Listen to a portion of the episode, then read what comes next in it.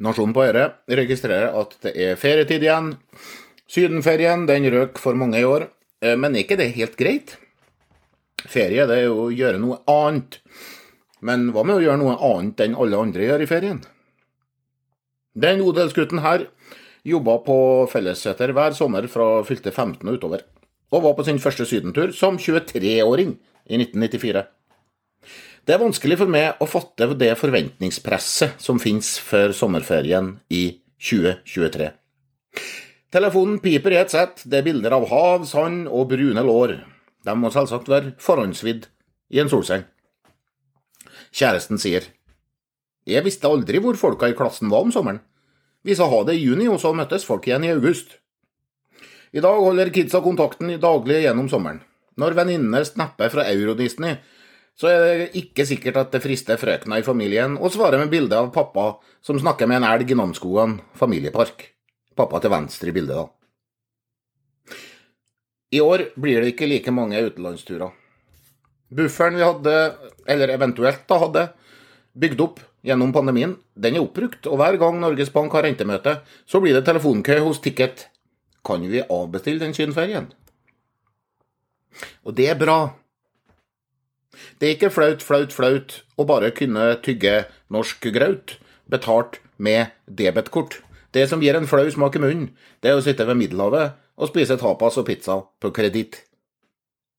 Film- og TV-turisme er kommet for å bli, men vi må ikke dra til New Zealand, hvor 'Ringenes herre' ble innspilt, eller til Marokko eller Nord-Irland, som lånte ut landskap til Game of Thrones.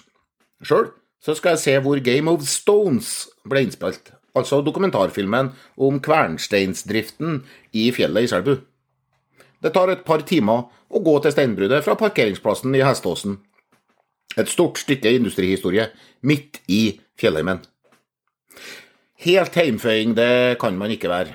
Kjæresten og jeg akter å gå Jotunheimen fra vest til øst i sommer. Men vi må ikke, for er det ikke nok av prestasjoner og forhåndsdefinerte mål og krav ellers i året?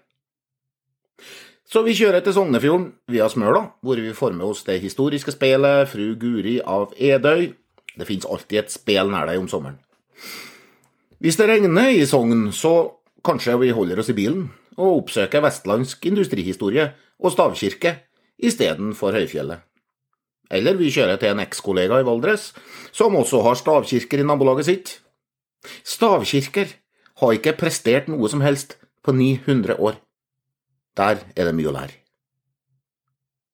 Spideren på Tusenfryd, eller Himmelskipet i tivoli, blir kanskje ikke så pop i år, etter dødsulykken i Grøna Lund i juni. Men Vegatrappa og alle Honde, trolltunger og prekestoler har allerede begynt å dukke opp i feeden til meg og kjæresten. Se på meg, jeg er på et bratt og trasig sted. Denne alpinfetisjen kan unnskyldes hos nederlendere eller turister fra prærien i Midtvesten i USA. Men hos nordmenn? Storparten av landet vi bor i, ser ut som det ble skapt før Gud skapte vateren. Hvis du må oppsøke bratte steder, dropp køa og slippersturistene og dra til Sylandet i Trøndelag. Traversen mellom de alpine grensefjellene Storsola og Storsylen får Besseggen til å virke som en førskoleattraksjon i Hunderfossen. I sommer kan du også se fra sylandet og ut over et 65 kvadratkilometer brunt krater. Den kilometerlange Nesjødammen, som sørger for kraft til Midt-Norge og flomregulering helt ned til Trondheim, er under utbedring og 625 millioner kubikkmeter sjø er tappa vekk. Så da kan du, trolig for aller siste gang, gå på de enorme Nedalsmyrene i det som minner om et månelandskap. Det er en fascinerende opplevelse. Kraft skaper, kraft koster. Ferie er å gjøre noe annet, heter det jo. Hva med å gjøre noe annet enn andre i ferien? Hvorfor ikke dra til et paddeflatt sted, som Bleik på Andøya, eller Nederland, eller Venezia-lagunen. Det er et område på størrelse med Oslo kommune, der 80% av arealet verken er vann eller land, men noe midt imellom. Der er det flatt.